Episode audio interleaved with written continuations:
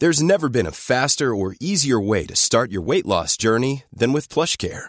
PlushCare accepts most insurance plans and gives you online access to board-certified physicians who can prescribe FDA-approved weight loss medications like Wigovi and Zepbound for those who qualify. Take charge of your health and speak with a board-certified physician about a weight loss plan that's right for you. Get started today at plushcare.com slash weight loss. That's plushcare.com slash weight loss. plushcare.com slash weight loss. I'm Sandra, and I'm just the professional your small business was looking for. But you didn't hire me because you didn't use LinkedIn jobs. LinkedIn has professionals you can't find anywhere else, including those who aren't actively looking for a new job but might be open to the perfect role, like me. In a given month, over 70% of LinkedIn users don't visit other leading job sites. So if you're not looking on LinkedIn, you'll miss out on great candidates like Sandra. Start hiring professionals like a professional. Post your free job on linkedin.com/people slash people today. Het was echt iemand die, die voor niks een pistool kon trekken. Ja. Het resultaat was dat eh Friso eh, zijn recht op troonopvolging heeft eh, moeten cancelen. Ja, we gaan gewoon heen en we kijken wel of het lukt. Ja. Dat is het eigenlijk. En dat durft tegenwoordig bijna niemand meer. Als je daar gedrogeerd wordt, dan gaan ze je bestelen. Dan maken ze die tas open en dan zien ze daar een rood lampje branden. Ja, oh man. Nou, Ja. Ik weet niet, vroeger eh, gewoon met steentjes op een raam gooien of zo vond ik Ja. fantastisch. Gewoon van die- maar- echt dat kattenkwaad. de- er is nu natuurlijk een enorm beschermende eh, opvoeding gaande in Ja. Nederland. En dat, en dat, dat haat ik. Welkom bij de Even Relativeren podcast. Zet ik altijd even mijn radiostem op, Kees? Ik niet, want die Nee? heb ik niet. Nee. ik, heb, een- ik heb een televisiestem. Ja, maar je hebt wel echt een hele herkenbare stem inmiddels. Ja, een beetje eh sloom, hè? Eigenlijk. Ja, je zat net, toen de camera's uitstonden, zat je te vertellen... hoe, hoe, nam jij vroeger je voice-overs op? Nou, ik had een soort stemcoach, die werkte bij ons bij Endemol. En die zei, eh, ja, je moet gaan staan. Dus ik ging in dat inspreekhokje staan. En dan was het, eh, vanavond zijn we in Bangkok, waar we achter de tuk-tuk-chauffeurs aan. Nou, dat was toch helemaal niet met mijn man. Nee, dat is een beetje uh, telcelachtig, hè? Waar Ja. je dan in vervalt. ja. Dus nu zit ik gewoon lekker in mijn setje met zo'n microfoon voor me snuffelt. Ja. En dan eh, lul ik steeds het eh, zinnetje in wat ik denk dat goed is. Ja, je moet voor een voice-over... Ik heb het ook wel eens moeten opnemen. Ik vond het heel, ik vond het heel lastig. Dat lijkt makkelijk, maar ik vind, ik vind het echt heel lastig... een voice-over opnemen, omdat... ehm, je moet dan heel goed articuleren en, en, en Ja. geen comma's, maar punten zetten. En Ja. Dat is best lastig, hoor. Ja, het is heel belangrijk dat je zeg maar in een zin duidelijk maakt waar de nadruk ligt. Ja, dat doe je nu al een beetje. Ja. Maar het is wel, eh, ik vind het wel goed als je een programma presenteert, dat de voice-over dan ook degene is die je constant in beeld ziet. In jouw geval bij eh, de programma's die je maakt, is jouw stem ook altijd hetgene die het verhaal vertelt. En het zou raar zijn als je daar een andere voice-over achter zou zetten. Nou, ik had het programma eigenlijk bedacht. eh, eh, ooit Oplichters in het buitenland. En dit zijn allemaal een beetje spin-offs daarvan natuurlijk. Eh, ja, als regisseur. Ja. Peter R. de Vries stopte. En er was geen programma. En wij waren natuurlijk allemaal gewoon in dienst bij Endemol. Ja, En er moest wat bedacht worden. Dus toen bedacht ik dit programma. ja, Eh, ik wist dat omdat ik ooit magistraal ben opgelicht in Thailand. ja. ja. Ik denk, als ik dit stiekem film, dan heb ik gewoon een programma. Mhm. Dus dat heb ik toen voorgesteld. En toen vroegen ze of ik het zelf wilde presenteren. Ja. Dus zo is dat eigenlijk een beetje ja, want je gekomen. was bij Peter de Vries wel al vaak in beeld, toch? Ja, eh, ik was meestal degene die met die verborgen cameratas naast Ja. hem liep. En in een totaalshot zie je mij dan natuurlijk. Ja. En ik monteerde het ook allemaal. Hoe is die samenwerking met Peter de Vries ooit tot stand gekomen? Ehm, ik werkte ooit als correspondent voor het Algemeen Dagblad. Eh, en toen kwam de buurvrouw naar me toe met een uitgeknipt advertentietje uit de Volkskrant... dat er een nieuw programma was. Een misdaadprogramma van Peter R. de Vries. En die zochten mensen. En ik had wel Dat eens... stond gewoon in de krant. toen. Ja, in de Volkskrant toen. We, hebben het, we schrijven eh, eind 1995. Eh, en toen heb ik een, eh, een brief geschreven. En daarbij heb ik alle eh, grote artikelen uitgeprint of gekopieerd van het Algemeen Dagblad. Die ik had geschreven, waar mijn naam bij stond. Want ik wist, Peter was misdaadcorrespondent van het AD toen. En toen heb ik als referentie de chef nieuwsdienst opgegeven. En die heeft met Peter gebeld. En zie hier. Ja, Toen begon ik daar als redactielulletje. ja. Ja. Zo is het begonnen. En later ben je met hem meegegaan op pad, op reis voor zijn programma's. Johan van der Sloot ben je ook bij betrokken geweest. Ja, zeker. Eh, Bekendste Nederlandse item misschien wel ooit gemaakt, toch? joh, dat, was een, dat is een avontuur geweest. Dat is eigenlijk niet te bevatten. Want Snap ik. eh, dat heeft een hele lange aanloop gehad. En uiteindelijk, hebben, we- nou, je weet wat er wat ervan is gekomen. En dat is in Amerika nogal groot opgepikt. Dus toen... eh, we hebben uiteindelijk een Emmy Award ervoor gewonnen. Maar Ja. daarvoor, dus toen het die uitzending was... zijn eh, Peter en ik en onze twee vrouwen naar Amerika gegaan. We zijn weer echt in een stretch limo. Hebben we daar allerlei talkshows bezocht. Eh, Jay Leno en Geraldo, ken je die nog? Geraldo niet, maar die Jay Leno wel. Nou ja, dat soort programma's zaten Ja. er allemaal in. Of Peter dan, maar daar reed ik mee met eh, Annabel. Zo, maar had je ooit van tevoren kunnen bedenken dat het zo impact zou hebben wat jullie daar aan het doen waren? Nou, dat drukte toen heel zwaar toen dat zo groot werd. Dat was niet normaal, want wij kwamen de volgende dag op ons werk... en toen moesten we echt ons door een, een haag, ik denk van 30 perswagens, straalwagens, weet ik wat allemaal niet, wurmen... om op ons kantoor te komen. Dat was nog het oude Endemol aan de Bergweg in Hilversum. Ja. Daar stond zo'n heel cordon omheen, die allemaal met schreeuwende journalisten. Ja, niet normaal, hè? de hele wereld. Weet je dat ik me kan herinneren dat wij dat gingen kijken thuis? Ik zat met mijn ouders en mijn broer op de bank. En ehm, Peter had het natuurlijk ook groots aangekondigd. Hè? Volgens mij in de weken voordat die aflevering begon... waren die, die promo's van hem te zien. En ik weet dat de hele buurt daarover sprak. Ja. En ehm, op een gegeven moment was het pauze. En je zag bij mij echt in de straat iedereen naar buiten vliegen met een hond. Snel de hond uitlaten, peukje roken. Iedereen even met elkaar. Bizar, hè, bizar. Je zit je ook te kijken. Iedereen zat er te kijken. Ja. En dat is gewoon, dat is gewoon bijna dezelfde impact als, als dat het Nederlands zelf al een keer de finale haalt of zo op een Europese toernooi. Het was, het, was echt niet normaal. We hadden iets meer dan 7 miljoen kijkers. Dat is het hoogste aantal kijkers voor een niet-sportwedstrijd sinds 1989 was dat. Ja, niet normaal, hè? Dat, is dat überhaupt, dat is daarna nooit meer Nee, gegeven? nee, nee, nee. Niet dat ik weet. Bizar, man. Ah, het was ook zo ongelooflijk spannend. Kijk, die, die, die hele affaire rondom eh, eh, Johan van der Sloot... Die, die was natuurlijk flink in het nieuws geweest. En dat werd op een gegeven moment ook al wereldnieuws. Dus Ja. het was ook gewoon een, een case waar iedereen zo nieuwsgierig naar was. Maar ja, dit, dit, dit was... Ja, ik weet niet. Ik kan me dit gewoon herinneren. Dit, dit ga je ook niet vergeten. Je hebt een aantal van die tv-momenten, die, die Ja, heb je Charlie da Silva gezien? Nou, daar was ik dan net te jong voor. Maar ik heb dat natuurlijk later wel allemaal terug zitten kijken. Dat was toch ook een... Wij hebben avonturen meegemaakt. Ben je daar ook bij betrokken geweest? Ja, die heb ik gemaakt ook. Die moet jij voor de jongere kijkers die, of luisteraars eventjes uitleggen dit wat, wat voor zaak dat was. Dit is fantastisch. Yo, als ik later opa ben, dan kan ik echt al mijn kleinkinderen rond het haardvuur avonden blijven vertellen over wat ik heb meegemaakt. Geweldig. normaal. En daar krijg ik Ja. gewoon voor betaald, hè? Ja, ja, ja. Ja. en nog best goed ook. ja. Oké, je moet je voorstellen. eh, het was eh, begin jaren 2000, 2002 ongeveer, 2003... dat er in de roddelpers wat nieuws kwam over Mabel Wisse-Smit... Ja. De vrouw van de aanstaande van Friso, of de vrouw van Friso. ja, wie was Friso voor, voor de... Voor De, de, de troon, eh, de, de second in line na Willem-Alexander. Ja, dus die kon in theorie... Stel Ja. dat er wat met Willem zou gebeuren, zou hij koning kunnen Ja, worden. ja, ja, ja. de broer van de koning. Ja. Ehm, die Mabel Wisse-Smit, daar ging een gerucht over dat zij een relatie zou hebben gehad met Klaas Bruinsma. Dat is een beetje de Hollander van begin jaren 90. Ja. De grootste crimineel, jaren 80, begin jaren 90. Die is eh, in 1991, geloof ik, eh, eh, was dat, doodgeschoten. Noemden ze hem nou de paus of de dominee? De lange. De lange, oh. Wie was dan de dominee of de paus? Nee, de dominee, ja. De dominee, toch? Ja. Ja, maar die had de lange. Dat was zijn... zijn- zijn, de-. Dat werd vooral na onze uitzending zijn bijnaam. Want Ja. Oké, wat gebeurde er? In de pers, of in, eigenlijk een beetje in de roddelpers, werd een beetje gemeld dat die Mabel Wisse-Smit een relatie zou hebben gehad.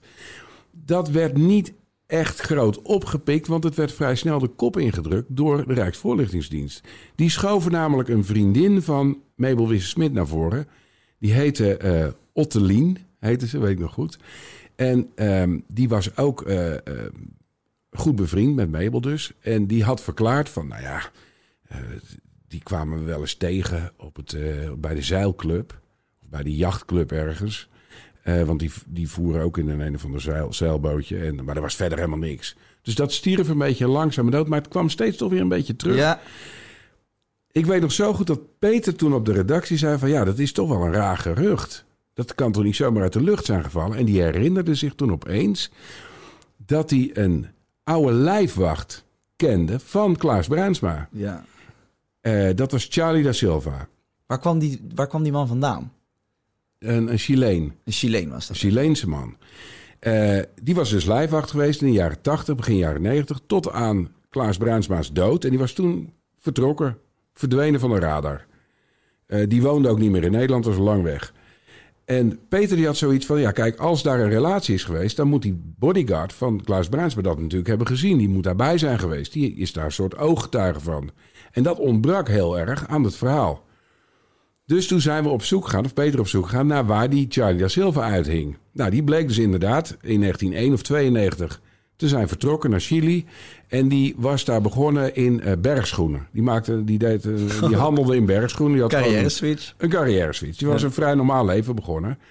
En wij bemachtigden zijn telefoonnummer. En ik kan me nog als de dag van gisteren herinneren...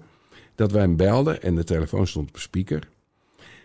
En je moet je voorstellen, dit is dus een gerucht... Ja. dat door de Rijksvoorlichtingsdienst de kop in werd gedrukt... maar wat steeds een beetje opkwam. Maar als het echt zo was, was dat natuurlijk groot nieuws.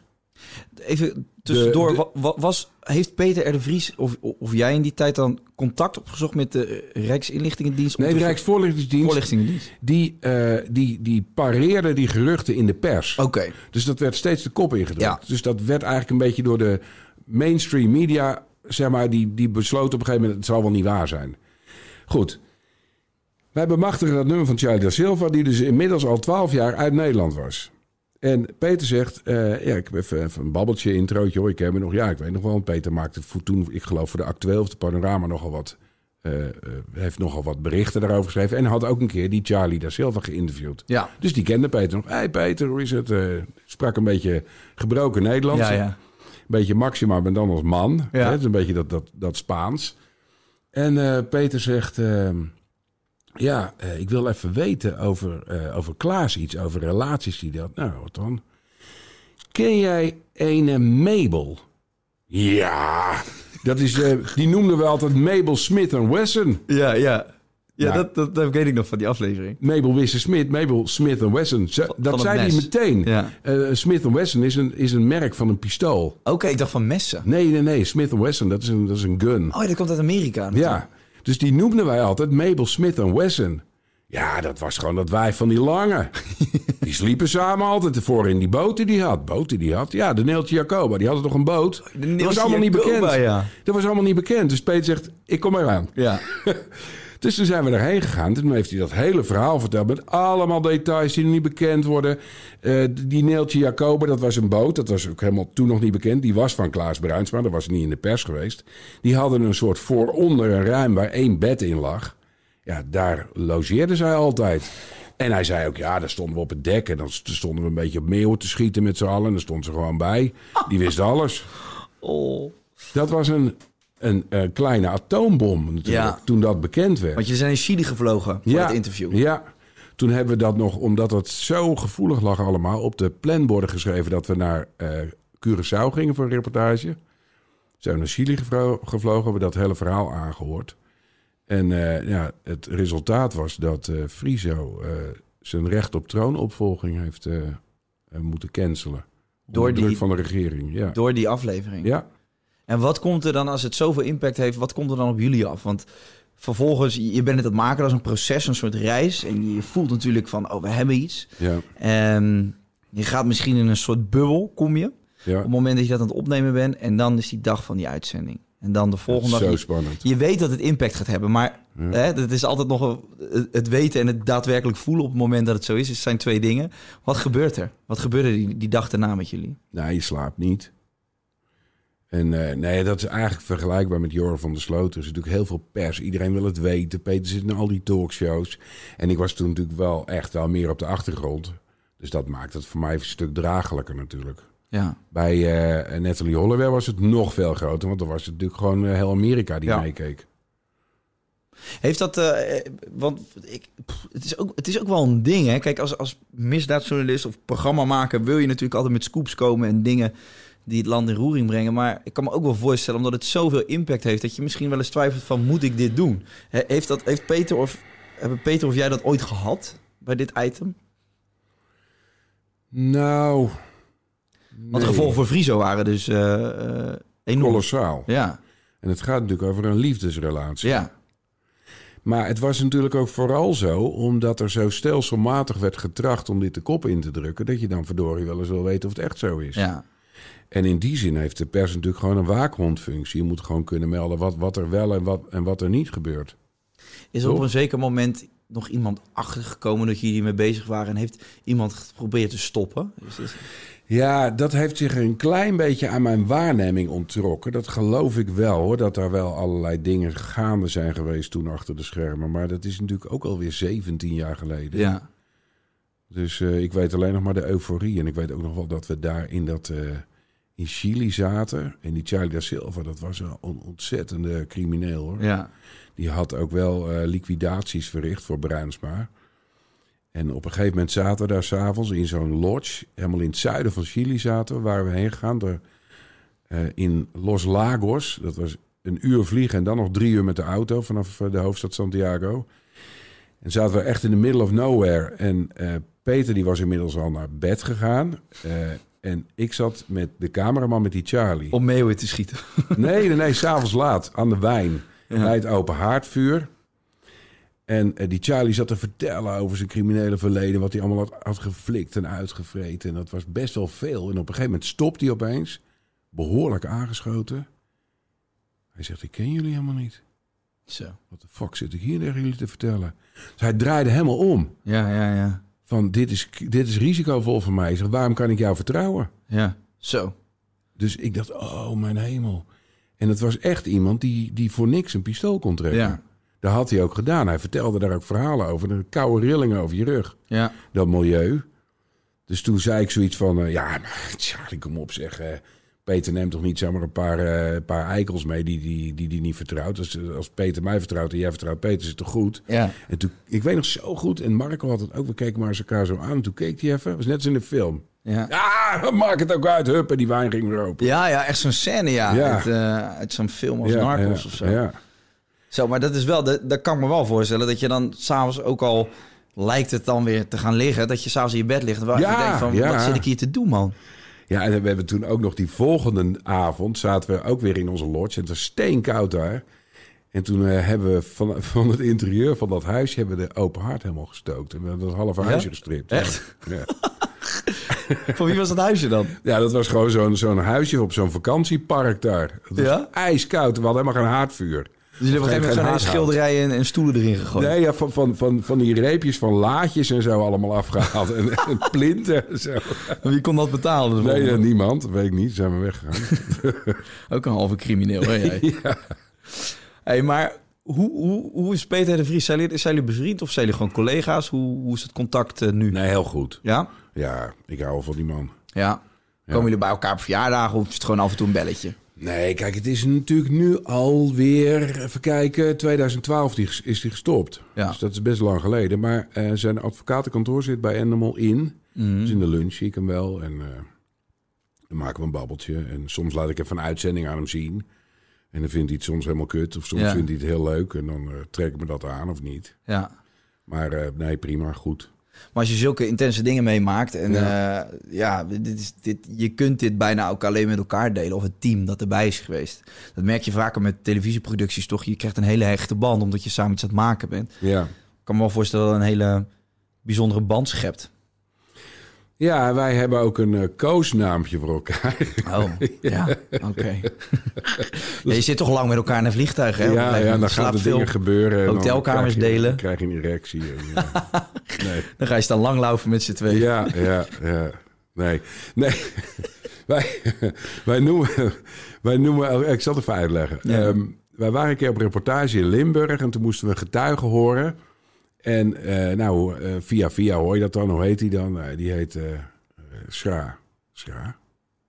Ja, dat schijnt Limburgs voor Gerard te zijn. Oké. Wij vonden het een beetje een rare naam. Schra? Schra, schra. Dus wij gingen naar die getuigen toe. En dat was een man van in de 50. En die woonde nog bij zijn moeder. Dat rook, eh, de deur ging open. En dat was echt een bloemkoollucht waar je tegenaan kon leunen ongeveer. En daar hingen nog witte onderbroeken aan een stang rondom de, het fornuis te drogen. Gadverdamme. En die moeder zat er ook in een hoek met drie tanden of zo in de mond. En eh Schra, die stond ons te woord. En dat was echt zo'n, ja... zo'n... zo'n een, een, ja, eh, echt, echt zo'n een, een, boer. Een Ja. boer, een, een schra. Een schra. Ja. En die vertelde zijn verhalen. En dat was zo'n zo'n eh, ja, zo'n huishouden... wat je eigenlijk alleen nog maar uit badje kent van vroeger. Ja. Eh, en we lopen naar buiten en eh, ik zeg zo tegen Peter, ik zeg, nou Schra, wat vond je ervan? En sinds die dag noemen we elkaar altijd Schra. Oké. Altijd, ook, kan je ook sms'jes laten zien, altijd van, hey Schra, hey Staat hij ook zo in je telefoon? Volgens Als mij Schra. wel. Schra de Vries. Ik denk het wel. Schra R de Vries. Schra. Grappig. Ja. Nee, jullie hebben bijzondere dingen met elkaar meegemaakt. Dat moet wel. Ehm, als ik dit soort verhalen hoor en ook kijk naar je, naar je werk nu op dit moment... dan denk ik altijd, Kees, ik ben zo blij dat je het doet. Maar ik vraag me ook wel eens af van, heb jij nou stalen ballen of hoe zit dat? Want kijk, ehm, op zich die oplichters in Parijs aanpakken... Hè, dat, daar moet je, vind ik ook al ballen voor hebben. Maar dat, vind, dat, dat kan ik me nog in voorstellen van... dat is in. Parijs, is in Frankrijk. Ik heb trouwens enorm gelachen om die zin. Die, die, die deel ik al met vrienden. Dat jij zegt van... eh, nou, we gaan eens even lekker rellen vandaag. Vind ik zo'n heerlijke scène. En dan dat je... Ik heb echt tranen met tuiten gelachen om die aflevering. Vind het de beste. Niet zozeer qua, qua zaak, omdat iedereen kent dit wel een beetje. Maar gewoon, dus, ja, het was gewoon hilarisch hoe jij ze allemaal aanpakte. Maar het leuke is van Parijs natuurlijk dat je weet dat ze allemaal fout zitten. Je hoeft het niet allemaal bloot te leggen of uit te leggen. Je kunt gewoon volle bak erin. ja, Want het, is natuurlijk, het, zijn gewoon, het zijn gewoon dieven. Die staan er op straat overal te stelen. Ja. Dus ja, wat doe je dan? Gewoon de boel omtrappen en wegtrekken en noem maar Ja. op. Ja. Ja, maar het is wel, Kees, het is, het is, het is wel, je maakt wel daarmee echt hele bijzondere televisie. Want eh, ja, weet je, gewoon daar in Parijs dus be- besluiten met je regisseur waarschijnlijk en je cameraman en die dame die er altijd bij is van, weet je wat, Nou, het is gewoon- nog veel kleiner. Ja, je bent z'n geen, drieën toch? Ik heb geen regisseur. Nee, jij bent ik, je eigen regisseur. Ik ben de regisseur Ja, en ik heb een cameraman mee. En een aantal keer bijvoorbeeld naar Engeland als Nigeria en zo... ga ik alleen met de cameraman. Gaat er niemand verder mee. En naar de meeste andere plekken gaat er nog een, een, eh, een redactie, productiepersoon mee. Ja. Dat is nu Puk. Hiervoor is het Kim, daarvoor Marijke. Mijn rechterhand, zeg maar. En Ja. we zijn altijd maar met z'n drieën. En wat het programma zo uniek maakt, is ten eerste dat wij nooit iets nadraaien. Dus dit is wat er gebeurt, wat je ziet. We gaan nooit op voorreis. We gaan nooit van tevoren kijken of het wel lukt of niet. En we maken eigenlijk eh, vaak niet echt een goed plan. nee. Omdat als je... Maar dat zag je bij die aflevering Parijs, zag je dat Ja. toch? Maar dat is wel een van je beste afleveringen geworden. ja, ja, we gaan gewoon heen en we kijken wel of het lukt. Ja. Dat is het eigenlijk. En dat durft tegenwoordig bijna niemand meer. Nee, maar dat is het. Dat, en, Ja. en dat is eh, bij televisie, je neemt eigenlijk weinig risico's meer. Maar hoe slecht is dat? En ja, dat is slecht, want ik vind dus televisie moet echt blijven. Ja. wanneer is het echt? Als je dus risico's durft te nemen. En ook als je een keer ergens bent en het dus niet zo blijkt te zijn, ja, dan is dat maar zo, toch? Ja. Heb je geen geweldige aflevering, ik weet het, maar dan Nee, is maar dat je- wel een feit. De, je moet de hele dag, want dat maakt het wel intensief. Als we eh, een reis maken eh, waar we toeristische oplichting doen, hè, een beetje de stijl van de oplichters in het buitenland, dan gaan we zeven dagen, zeven volle dagen zijn we daar. Omdat natuurlijk vaak ook wel drie dagen er helemaal niks gebeurt. Ja. Of je denkt van tevoren, google je op internet, wat zijn een beetje de tricks en, en, en, en, en, en eh, eh, de, de, de valletjes en de toestanden. Ja. De warnings en dangers kun je zoeken hè, van een stad. En dan maak je een lijstje van. Dan kijk je maar of dat jou overkomt of niet. Maar soms lukt er ook helemaal niks. En dan moet je toch opeens bedenken... nou, we gooien het roer helemaal om. Ik heb net dit gehoord. Of die vent sprak me aan voor dat. Hup, dat wordt het hoofdonderwerp. Gaan we Ja, daar. ja. Ik ga gewoon met iedereen mee. En ik kijk wel wat er gebeurt. Dat is het eigenlijk. Maar het is, dat, is, dat is wel tof. En dat is, maakt het ook moeilijk om je item te maken, omdat je dus geen nul zekerheden hebt. Nul. Maar daarbij weet je, weet je wel dat, dat je kunt op die manier dus ook echt een soort bonus krijgen. Omdat je gewoon met iemand meegaat die je ineens naar een plek brengt. Dat je denkt, holy shit, Ja, dat hadden wij nooit kunnen bedenken. Ja, en dan ben je er ineens. Dus je moet daar ook een open vizier in hebben. ja. Maar om terug te komen op, op Parijs. Kijk, dan denk ik nog, je bent in Europa, in een drukke stad. Weet je al, eh, vijf uur rijden van Nederland. Als daar wat gebeurt, ik, ik zou me daar redelijk veilig wanen. Maar dan komen de landen als Nigeria. ja, dat is zo kut. En dan denk ik wel bij mezelf, Kees, holy shit man. Je zit daar dus in een autootje met alleen je cameraman. Ja. Een gids die je net twee, drie uur kent. Ja. En dan sta je in zo'n zo'n wijk te posten. Nou. Kees, jij valt op in Nigeria. Laten we eerlijk zijn. Nee, maar weet, weet je wat het is? Ik kan het wel vrij eenvoudig uitleggen.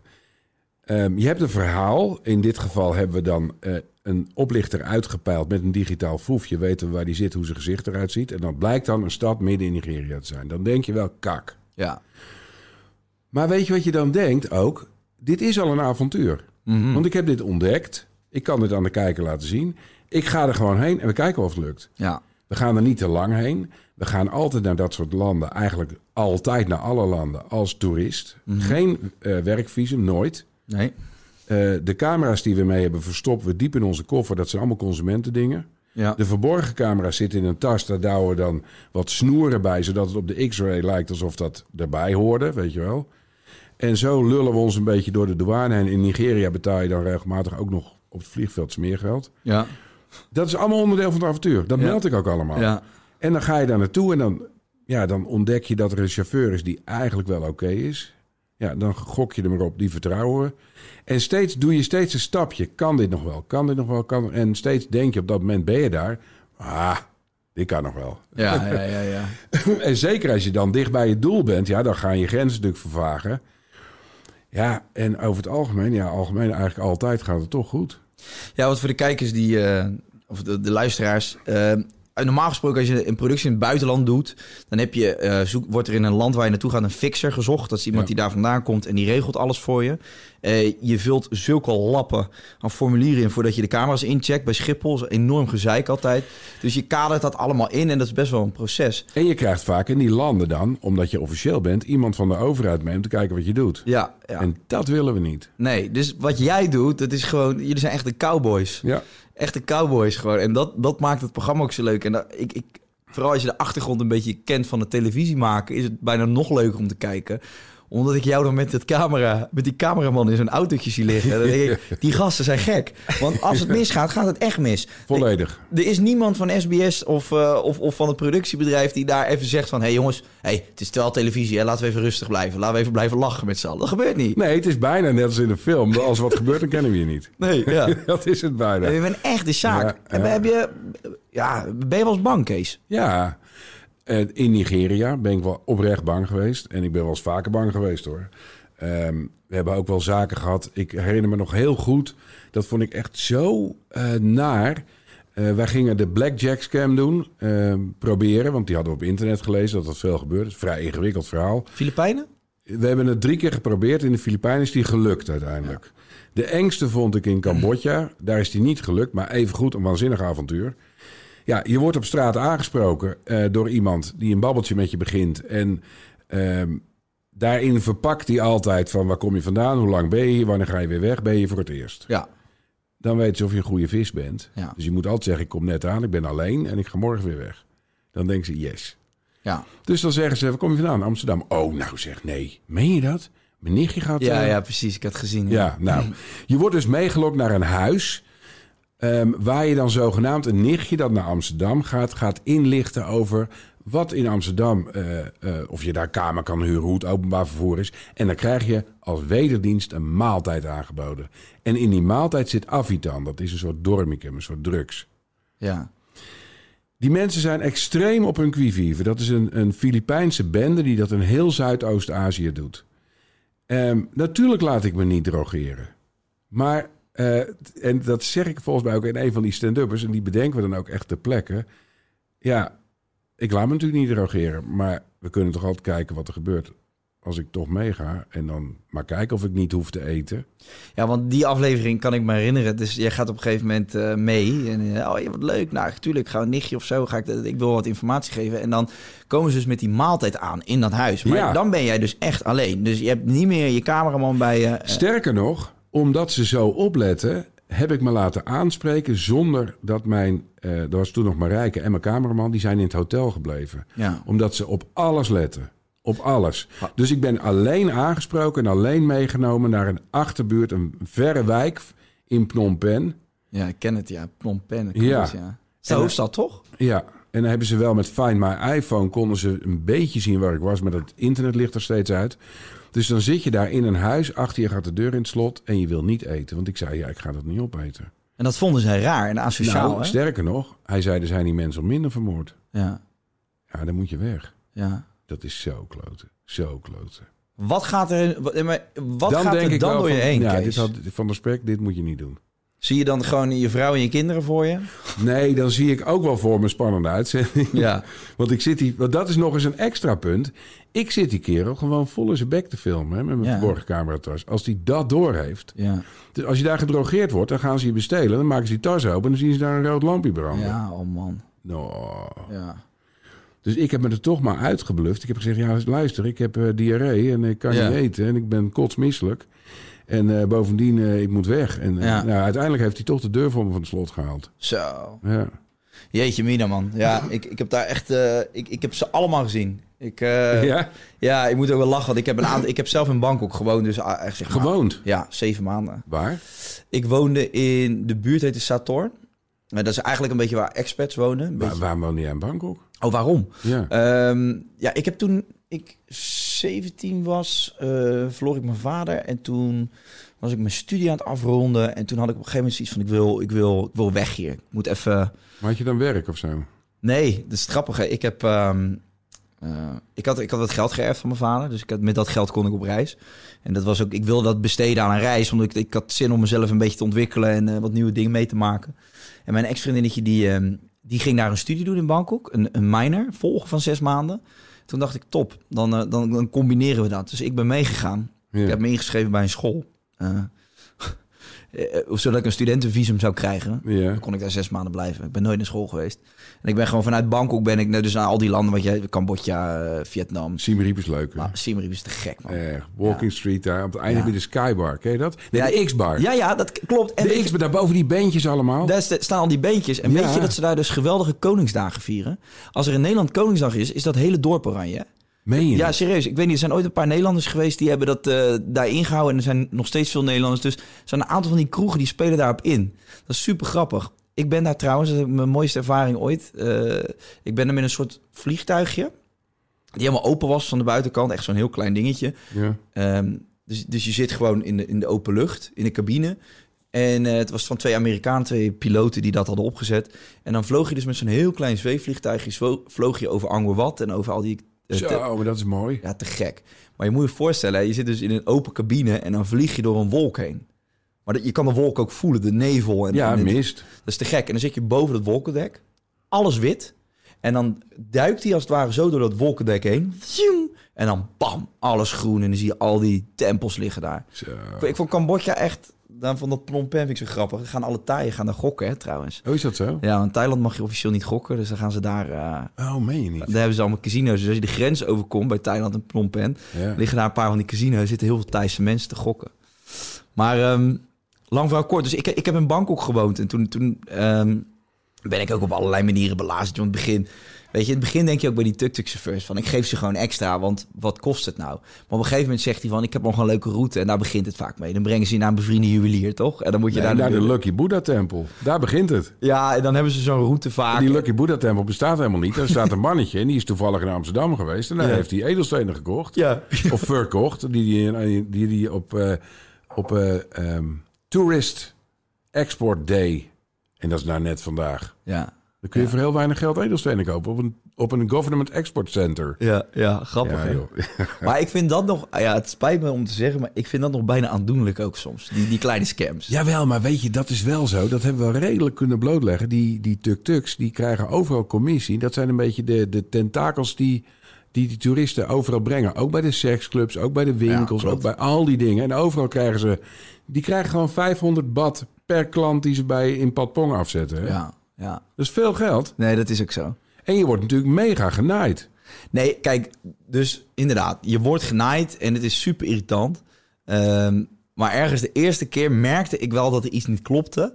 Maar dan denk je van, joh, die mannetjes... Ja, nee, maar ik moet niet mannetjes zeggen, dat is heel denigrerend. Maar die, die, die gasten die die tuk-tuk besturen... dat zijn allemaal wel sympathieke gasten of zo. Ja, Weet je, ze lachen met je en ze dollen met je. Dus je hebt ook weer een beetje een zwak voor ze. Op een gegeven moment zat ik daar met mijn vriendin in die tuk-tuk. Ik zeg, joh, we worden zwaar genaaid. Toen zei ze, joh, boeien, lachen. Ja. We zien het wel. Gaan we heel even bij de edelstenen kijken. En, maar goed, dan woon je daar zeven maanden en dan ben je er wel klaar mee. En dan zeg ik ook tegen, de tegen de taxichauffeurs van... joh, ik woon hier, die meter gaat gewoon aan of ik stap nu uit. En dan, zijn, dan, dan doen ze het ook gelijk en dan... je moet ze overroelen Ja, maar ook. weet je, wat jij zegt, heb je natuurlijk wel een punt. Want ik ben ehm, eh, in tegenstelling tot veel van mijn kijkers, die, de, eh, ja, ik ben eigenlijk veel te lief vaak. Ja. Ja, Ik heb zelf, eh, even kijken, s- negen jaar in het buitenland gewoond. Ja.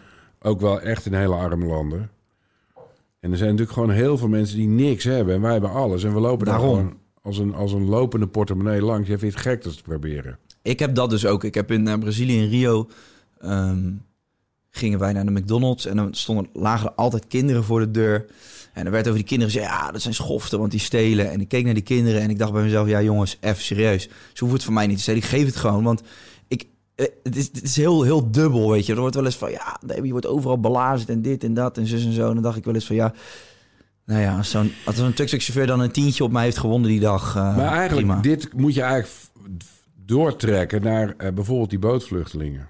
Ja, Daar vind ik echt wel wat van. ja, Want kijk, op het moment dat jij in eh, Somalië geboren bent, Ja. of, of in Nigeria, weet ik wat, en je weet dat het hier het Walhalla is, dan ga je dat toch gewoon proberen? klopt, Ik tuurlijk. bedoel, eh, het, het, het, het enige wat zij hebben misdaan is op een andere plek geboren worden. Ja, Dat is het. ja. En door internet zien ze op hun telefoontje alles hè, de hele dag wat wij allemaal hebben. Mm.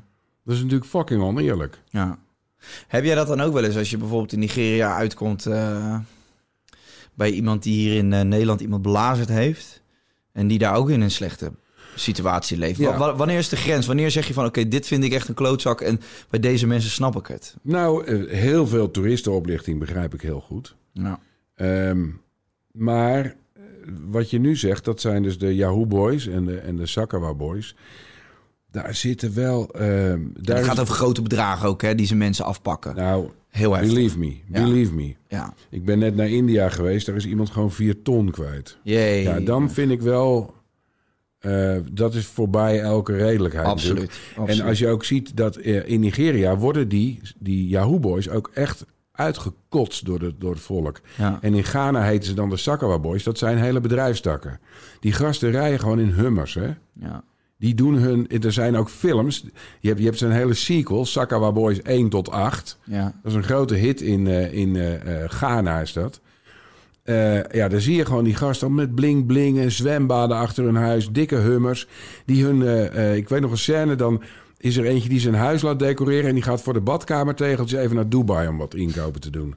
Dat, hè? ja, precies. Dus het gaat niet over een tientje om, dat, om zijn gezin eten te geven. Nee, het gaat joh, over nee, echt nee, nee, nee, Grote nee. afpersingen. Heel En, veel geld. ja. En, en die verliezen totaal uit het oog dat er daar in Nederland dus dames zijn die verliefd worden... en die dan hun kapitaal afstaan.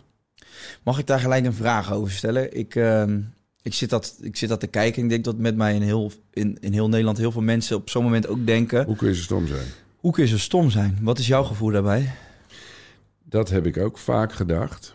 Ja, Ehm, totdat ik me wel ging verdiepen in de geraffineerdheid. ja, Het is dus niet zo, ik gebruik een valse profielfoto en na een week zeg ik, eh, geef eens 10.000 euro. Want eh, mijn telefoon is stuk of zo, of mijn auto doet het niet meer. Nee, het is way beyond. Ik ben er nu eentje, ehm, om maar eens een voorbeeld te noemen. Ik ben nu met eentje bezig. Ja, dat is wel een goeie. Die wordt dus verliefd op iemand, een Mhm. Amerikaan die op een booreiland werkt. En eh, dat loopt, maanden steken ze daarin. Ook met eh videocall. Dan hebben ze gewoon een Europeaan zo te zien. Die niet echt met lip sync, maar je ziet wel slecht beeld. Ze geloven het. Want als je verliefd bent, geloof je het. En vaak gaat het ook via dating Gaat het zo ver al? Ja joh, maar het gaat nog veel verder. Op een gegeven moment is hier geen een borreland, is een telefonisch gesprek... en opeens is er een explosie op de achtergrond. Het is daarna twee dagen stil en die man belt dan terug. Jeetje, want er is een gedoe hier en er is eh, allemaal onderdelen stuk. Ik kan niet bij mijn rekening. Kun jij even inloggen in mijn account? Kun jij inloggen in mijn account? Dus ze krijgt gewoon de, de telebankiergegevens van die vent. En ze ziet gewoon op die valse naam... komt ze in een rekeningomgeving. Daar staat 350.000 dollar op. Wil je even 50.000 dollar overmaken naar Van Leeuwenbuizen in Shanghai? Dit bestaat. Daar, moet even, daar moeten wat onderdelen voor het booreiland. Dus dat doet ze. Dus zij doet voor hem een grote betaling. Ja. En dan vraagt hij dat nog een keer en nog een keer. En de vierde keer is er opeens een storing. Account of in toegang geblokkeerd. Hij helemaal in de stress. Jeetje, jij hebt vanaf een ander IP-adres. Zegt ja, ik heb het vanaf mijn werk gedaan. Ja, ja, dat klopt. Nou is de zaak geblokkeerd. Ja, shit, kun je even 8000 voorschieten? Ja, dat doe je dan. Jee. Alles nep, hè? Alles. Hoeveel denk jij dat... ehm, ja, het is moeilijk misschien om te benoemen, maar, want dit gebeurt natuurlijk niet alleen in Nederland. Eh, hoe, om hoeveel geld draait het, denk je, wat deze Ja, dat is gasten los- losfrikken? We hebben het wel eens, eh, ik heb wel eens met de vrouw de helpdesk, die schatten het zo tussen de 25 en de 30 miljoen per jaar in Nederland. Zuur verdiende spaargeld van mensen, Ja, klerenleiers. Ja. Ja. en op zo'n manier denk je ja. Of je moet je voorstellen, ik heb er ook wel één gehad, die is dan echt verliefd op iemand. En eh, dat duurt lang. Eh, grote verhalen en ik kom naar Nederland en, en ze hebben veel geld, zeggen ze dan. Nou, van alles. En opeens hoor je een knal, een sirene. En dan is het stil. En drie dagen later, zogenaamd een arts aan de lijn. Ja, ik heb hier die en die liggen. En u, ik zie u dat u de laatste gebelde bent in zijn telefoon. Eh, hij is hier in Zuid-Afrika. Het is kennelijk een Amerikaan. Ik weet niet verder wie die is. Maar eh, we moeten een levensreddende operatie doen. Wauw. Ja, en dan betaal je. Dus Allemaal in zij- scène gezet. de- gewoon geluidseffecten. Alles. Zo, dit is bizar. Maar snap je? Dus Ja, zo, ja, ja. je moet niet zo snel zeggen. Eh, tuurlijk zeg je als eerste instantie hoe kun je zo stom zijn. Maar als je dit allemaal hoort. Nee, daarom wilde ik ook eh, je de kans geven om daar nuance in aan te brengen. Want dat, dat, dat is dus de reactie. Maar ik, ik was dus benieuwd van... Ben je er eh, gaandeweg al die afleveringen achter gekomen... dat dat inderdaad te snel geoordeeld is, Ja. beoordeeld is. Maar ehm, ja, dit is, dat is echt bizar, man. En is zo geraffineerd. Het is een hele bedrijfstak. Ja. Er zijn in, in Nigeria miljoenen mensen die dit de hele dag doen. Die zitten met een stuk of zes gastjes een beetje te blowen in een mooi huis. En een biertje te drinken. En tussendoor zitten ze hun scenario's af te werken. ja. Ik kijk, eh, terwijl je dit vertelt, wel weer eh, heel erg uit naar je nieuwe aflevering. Ja. Ja, ik heb er al zes af. Wat, is, wat is je favoriete tot nu toe van de zes die je gedraaid hebt? Ja, daar ga ik niet te veel over zeggen, want dat wordt groot nieuws. Oké. Alleen het land dan, waar je naartoe Eh, gaat? Suriname. Oké. Nieuwe in Suriname. Ja, dat wordt echt Ja? beyond. Ik zal het zo meteen na afloop tegen je Ja, ja, ja, doe maar, doe maar. ik stop de podcast nu. Ja, Nee. ja, ja, dat wordt wel nieuws. Oh, top. Ik zal je de trailer laten zien. Ja, graag. Ja. Hey, ehm, wanneer is de eerste uitzending daarvan? Eh, begin september. We hebben natuurlijk corona, waardoor het allemaal een beetje anders loopt. Maar ik ga ervoor dat het allemaal gaat lukken. Oké. Hey Kees, je hebt... ehm, je noemt net het eh, land Suriname. En ik, eh, weet je, ik zou nog uren kunnen doorpraten over dit onderwerp. Maar ik vind het ook wel leuk om nog wat achtergrond over van jou naar voren te halen. Want je hebt in Suriname gewoond. Ja, onder andere. Vert- Vertel eens, je hebt sowieso negen jaar in andere landen gewoond. Neem Ja. ons eens mee. Wat, hoe, hoe is dat tot stand gekomen? Nou, eh, mijn ouders zijn heel avontuurlijk. Ik denk dat ik van mijn ouders heb. Die hebben elkaar in Zwitserland ontmoet in de begin jaren 60. Oké. Mijn vader werkte daar als technisch tekenaar. En mijn moeder die werkte als kamermeisje in een hotel. En ze zijn allebei heel gelovig. Dus die ontmoeten elkaar daar op zondag in de kerk. Ja. En mijn vader had een oproep gehoord op de radio... eh, dat er een, eh, een christelijke kibbutz werd gesticht in Israël. En daar hadden ze volontiers voor nodig. Wat grappig. Dus mijn vader zei tegen mijn moeder... wil je met mij trouwen en naar Israël gaan? Ja. En dat wou ze. En toen zijn ze naar Nederland gegaan, zijn ze getrouwd... hebben ze een kevertje gekocht... en zijn ze vanaf Zoetermeer naar Haifa gereden. Nee joh. In 1963, hè? Wat vet. Zes weken over gedaan, hebben ze gelijk een huwelijksreis van gemaakt. Daar hebben ze een kibbutz gestart en eh, nou, toen werd ik geboren. En dichtbijzijnse ziekenhuis was in Nazareth. Daar ben ik geboren, in Nazareth. In de stad Nazareth. Een Arabisch ziekenhuis. Ja. En na een jaar of zo, toen kreeg mijn vader, een, toen zijn ze daar gestopt, een baan in Bremen in Duitsland. Daar is mijn zusje geboren. En toen ik vier was, hebben we, woonden we in Nederland. In Papendrecht, daarna in Hoornaar bij Gorkum. Ja. Ehm, toen ik twaalf was, had mijn vader inmiddels eh, tussendoor economie gestudeerd. Dus die voor het ministerie van Ontwikkelingssamenwerking gaan werken. Toen zijn we drie jaar in Suriname geweest, tot mijn vijftiende. Toen een half jaar in Nederland en toen twee jaar in Burundi, Waar is dat? Centraal-Afrika. Oké. Je hebt zeg maar Burundi, Rwanda, Oeganda. Oké. En dat was ook weer voor, voor je vaders werk? Ja, ja. Eh, mijn vader is daar op spectaculaire wijze ontsnapt aan een aanslag. Joh.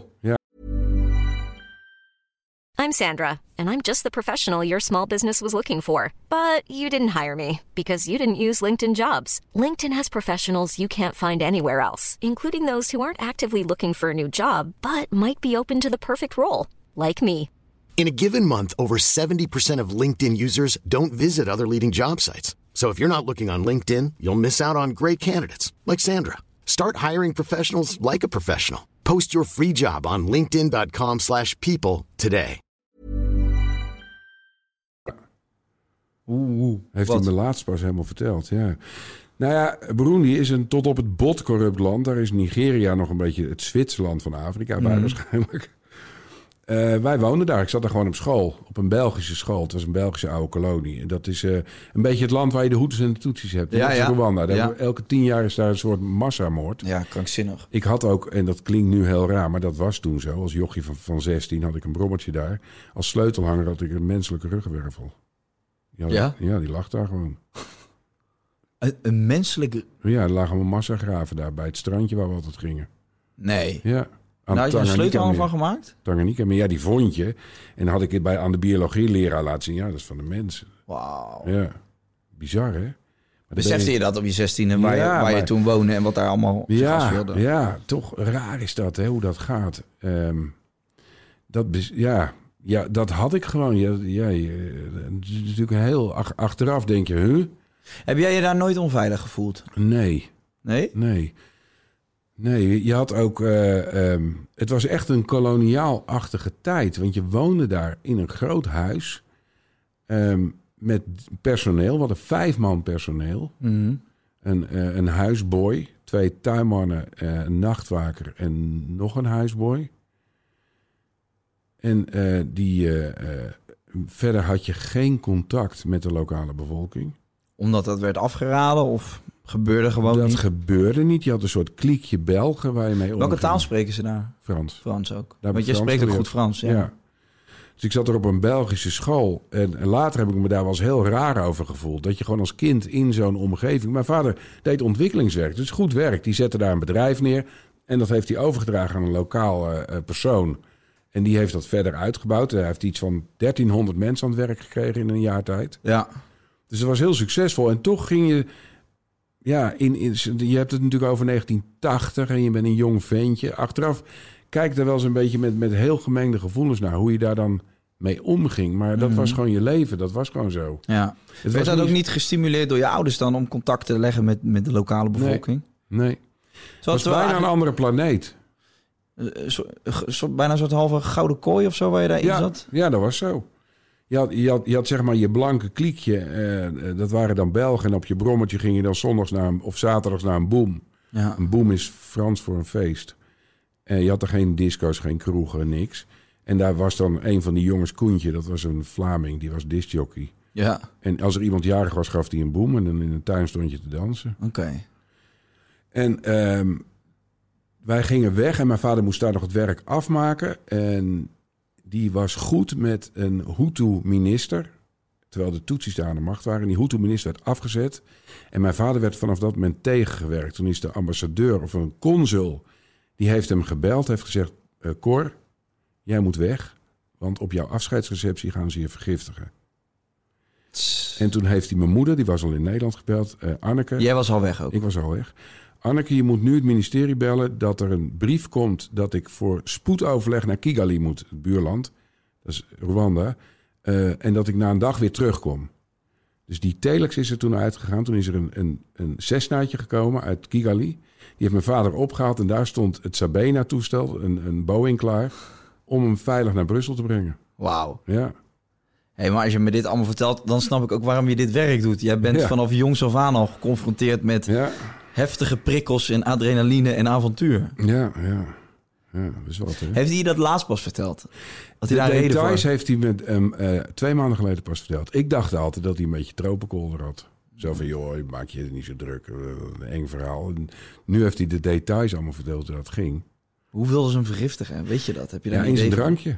In zijn drankje. Mijn vader is een hele keurige christelijke man. Dus die doet niet aan corruptie, niet aan omkoping. En dat, dat, was niet, dat viel niet lekker daar. Er wordt vrij veel ontwikkelingsgeld natuurlijk gegund aan allerlei figuren. Ja. En hij wilde gewoon het beste voor het land. Dat, dat, zo was hij natuurlijk wel. En eh, de goedkoopste aanbieder, die kreeg het dan. Ja. En het goede spul. En weet je wel, dus dat, dat viel allemaal niet in goede aarde daar.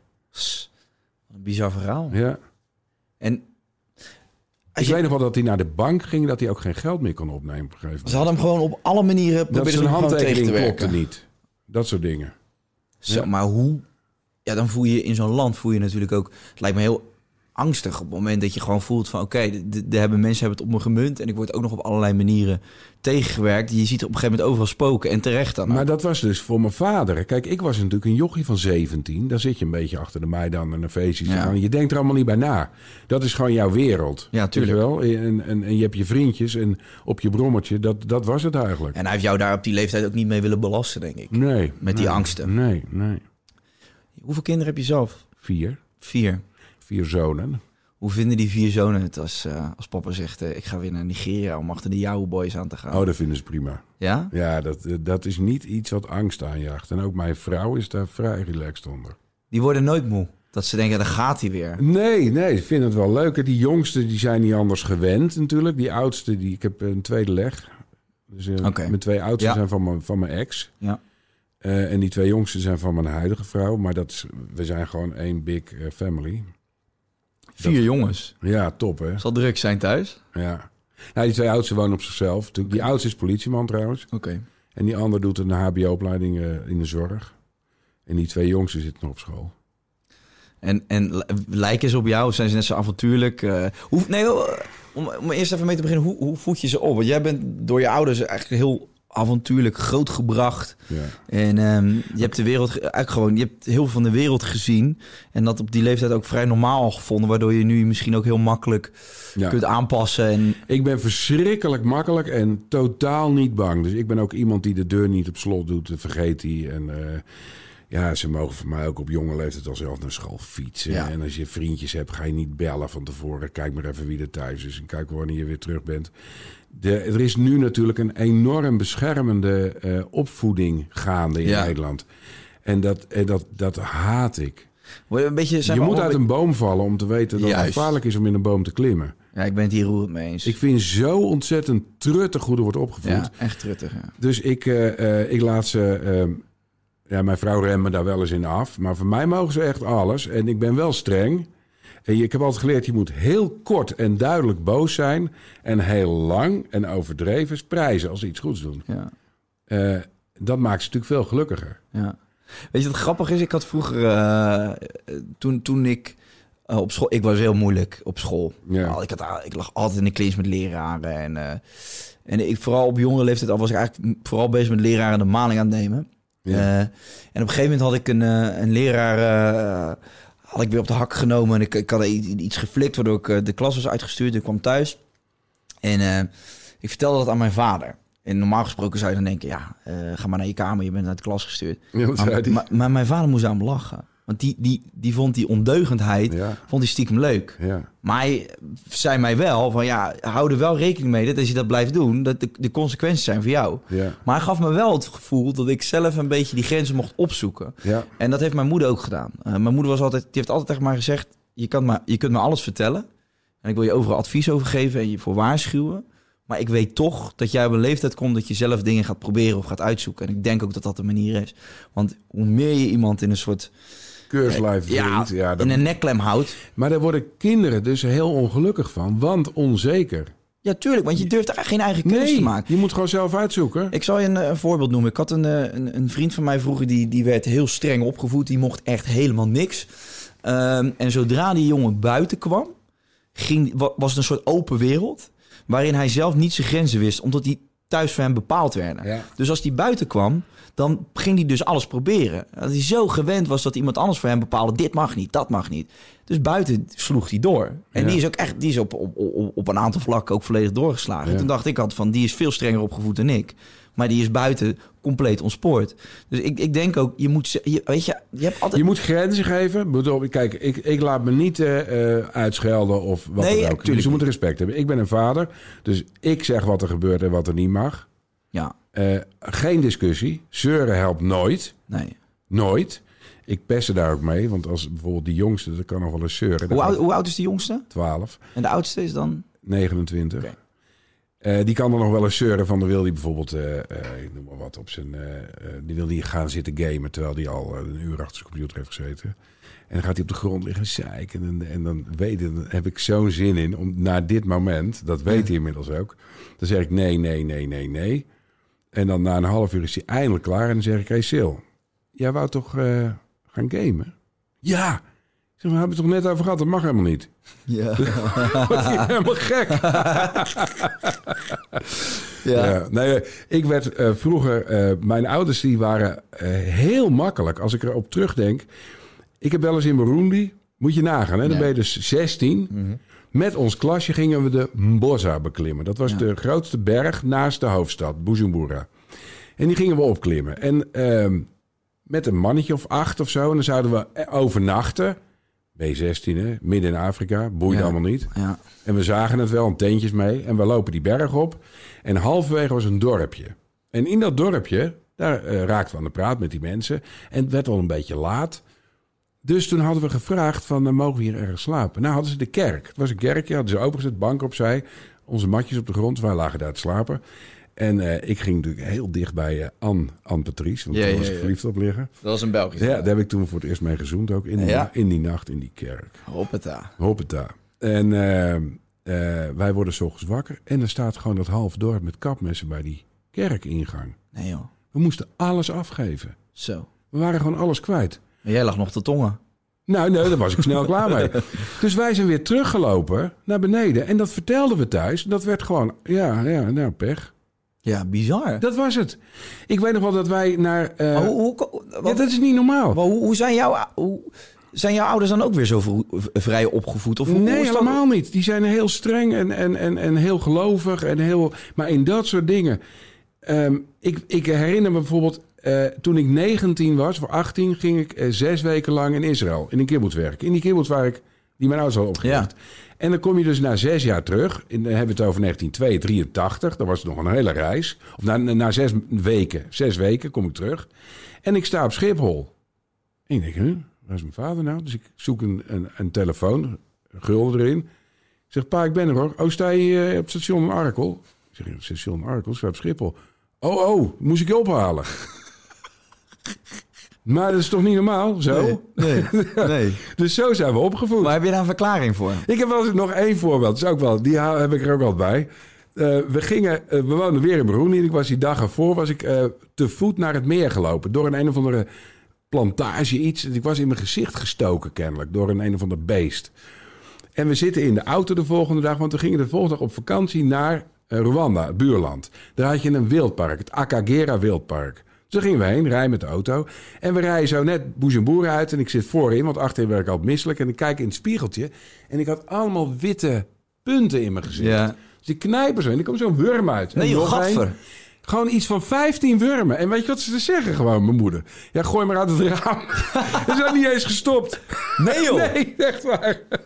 Hè, maar, maar ja, heb, nogmaals, heb je, daar, heb je een verklaring voor hoe je ouders zo Nee, zijn weet ik niet. Maar het heeft er wel voor gezorgd dat ik me niet heel snel zorgen maak om Nee. dit soort trivialiteitjes. Ja, maar daar, daar, dat, ja, nou ja, goed. Ik was eigenlijk in het begin van deze podcast vooral nieuwsgierig van ben je wel eens bang en hoe komt dat en hoe werk jij? Ja. Ehm, maar ja, dat is, je hebt het uitgelegd. Ik denk dat die opvoeding daar eh, nummer één oorzaak van is. En de belangrijkste les in dit leven is, waar je ook komt in de wereld, je hebt overal boeven en overal normale mensen. En de me- 90%, zelfs in Nigeria of in Burundi of in Thailand, ja, die wil gewoon een biertje drinken en die is bezorgd dat zijn kind eh, goed op school komt. Absoluut. Eh, Nee, is ook.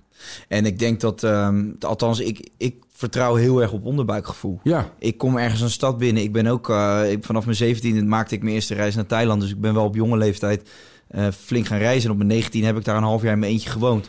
Ging met een rugtas daar naartoe. de meeste mensen zijn er gewoon oké. Fantastisch zelfs. Ja, joh. Nee joh, ik, ik moet zeggen, ik ben, ik ben altijd heel erg nieuwsgierig naar al die verschillende culturen. En ik, ik vind het juist, eh, ja, ik, ik vind het heel leerzaam om die mensen te ontmoeten. En zeker op jonge leeftijd denk ik dat het heel goed is. Omdat eh, wij worden opgevoed op een bepaalde manier. Je krijgt op school bepaalde lessen. En eh, vanaf dat moment ga je eigenlijk al in kadertjes leven. En ben je eigenlijk deels geprogrammeerd. Hè? Want dit is wat je normaal vindt, want dit is hoe wij het eh, voorgeschoten hebben gekregen. En dan ga je reizen op mijn 19. Ik had toen net mijn vader verloren en ik kwam daar aan in, in, in, in al die landen. En ik ontmoette dus op mijn 19 allemaal mensen van over de hele wereld. En ik heb dat echt als een fantastische leerschool ervaren. Goed hè?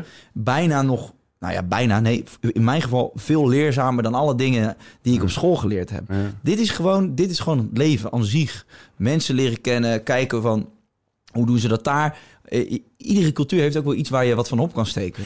Maar als je iets leert van reizen, is het wel gewoon... De meeste mensen zijn gewoon hetzelfde. Ja. Die zijn gewoon normaal en die willen gewoon ja, ook gelukkig zijn. Absoluut.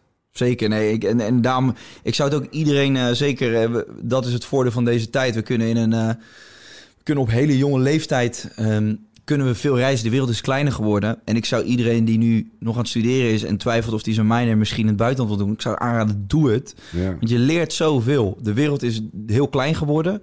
eh, en daardoor ook eh, kun je jezelf op, op, op hele jonge leeftijd eh, ja, zelf scholen door, door te reizen en andere mensen En je leert kennen. zo relativeren. Ja, Zo relativeren. Ja, ja, Wat is jouw favoriete land? Eh, ik vind Thailand vind ik fantastisch, omdat ik, ik heb gewoon een zwak omdat ik daar gewoond heb. Dat zij bijvoorbeeld met Suriname misschien hebben. Ja. Maar ik heb, ik heb Thailand gewoon echt in mijn hart zitten. En de mensen daar, dat, dat vond ik waanzinnig. De, de, het geduld. eh, eh, zeg maar, ze zijn bij, bij de vertederend. mensen zijn zo lief en lachen altijd. En En heel ook erg- een trots volk, hè? Ze zijn nooit onderworpen. Nee, zeker niet. Het is, het is echt een mooi land. En ik, ik moet zeggen dat ik, ik vind boeddhisme ook mooi. Eh, niet, ik zou zelf geen monnik worden, maar... eh, hè, dus die, die filosofieën die uit het boeddhisme gehaald kunnen worden... die zie je wel heel erg terug in, in de samenleving in, in, in Thailand. Dus dat vind ik mooi. Maar ik moet zeggen dat het ehm, eh, land waar ik ook heel graag kom is Zuid-Afrika.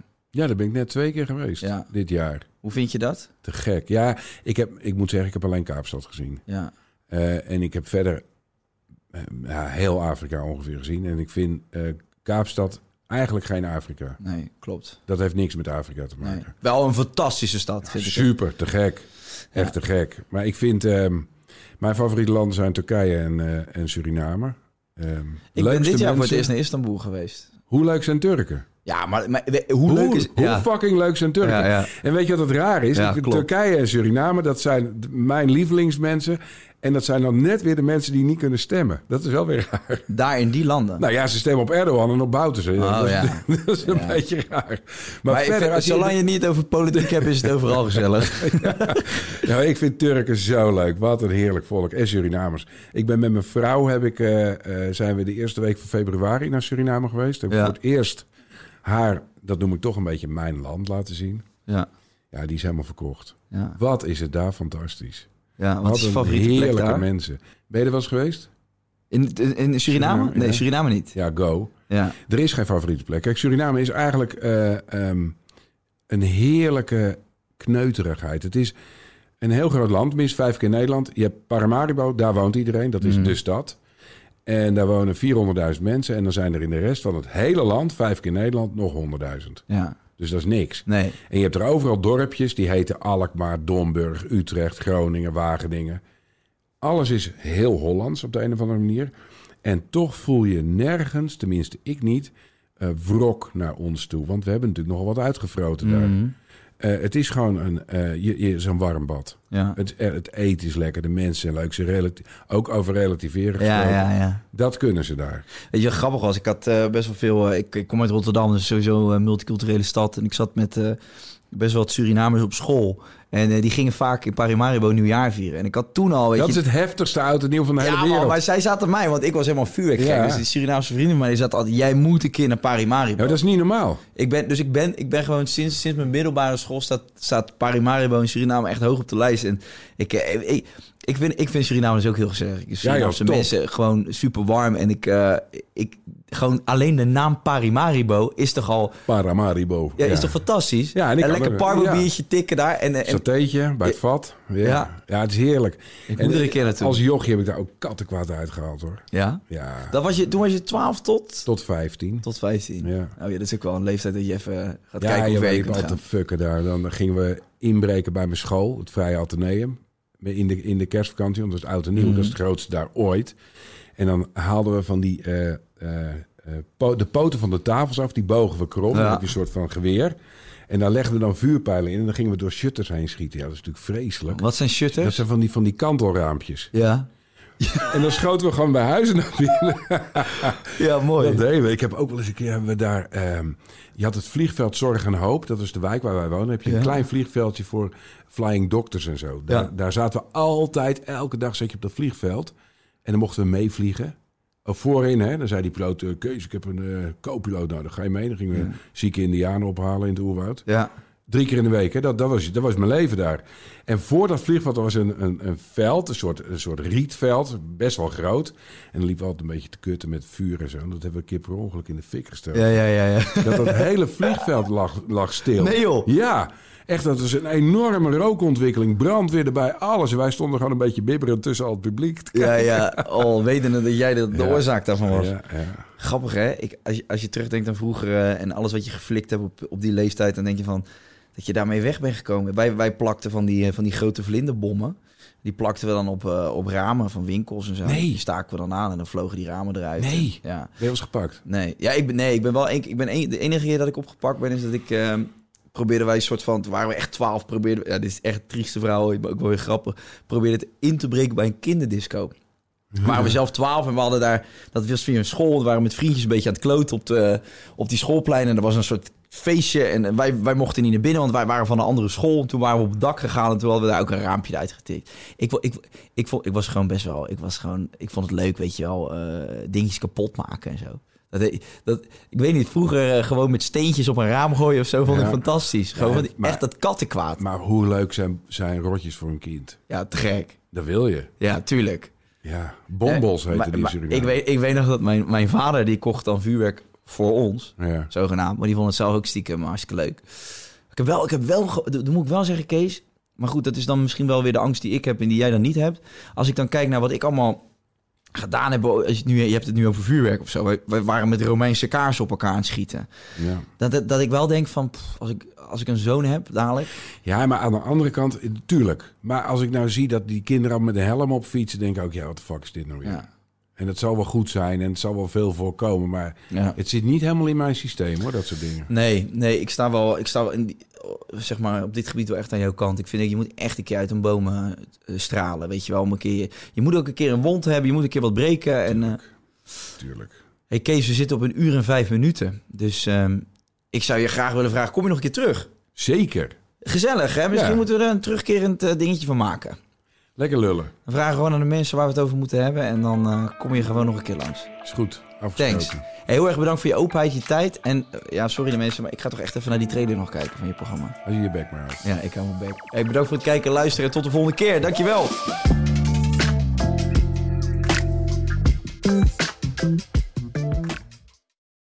Dit is vervelend. We hebben nog 30 seconden advertentieruimte beschikbaar, maar jouw merk zit er niet in. Wil jij deze ruimte beter benutten en staan waar voorheen HelloFresh of Samsung stonden? Mail dan naar adverteren@tonymedia.nl.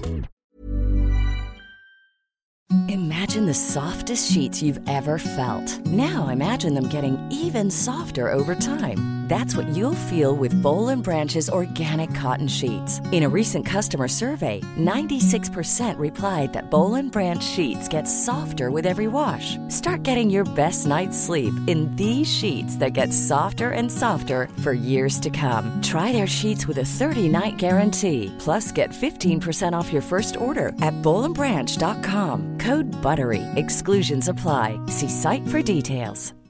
If you're looking for plump lips that last, you need to know about Juvederm lip fillers. With Juvederm Volbella XC and Juvederm Ultra XC, your lip look, whether it's subtle or bold, can last up to one full year with optimal treatment and no additional maintenance. Find a licensed specialist and see if it's right for you at juvederm.com today. That's J U V E D E R M.com. Add fullness to lips in adults over 21 with Juvederm Volbella XC or Juvederm Ultra XC. Do not use if you have severe allergies or a history of severe allergic reactions, or if you're allergic to lidocaine or the proteins used in Juvederm. Tell your doctor if you have a history of scarring or taking medicines that decrease the body's immune response or that can prolong bleeding. Common side effects include injection site redness, swelling, pain, tenderness, firmness, lumps, bumps, bruising, discoloration, or itching. As with all fillers, there's a rare risk of unintentional injection into a blood vessel, which can cause vision abnormalities, blindness, stroke, temporary scabs, or scarring.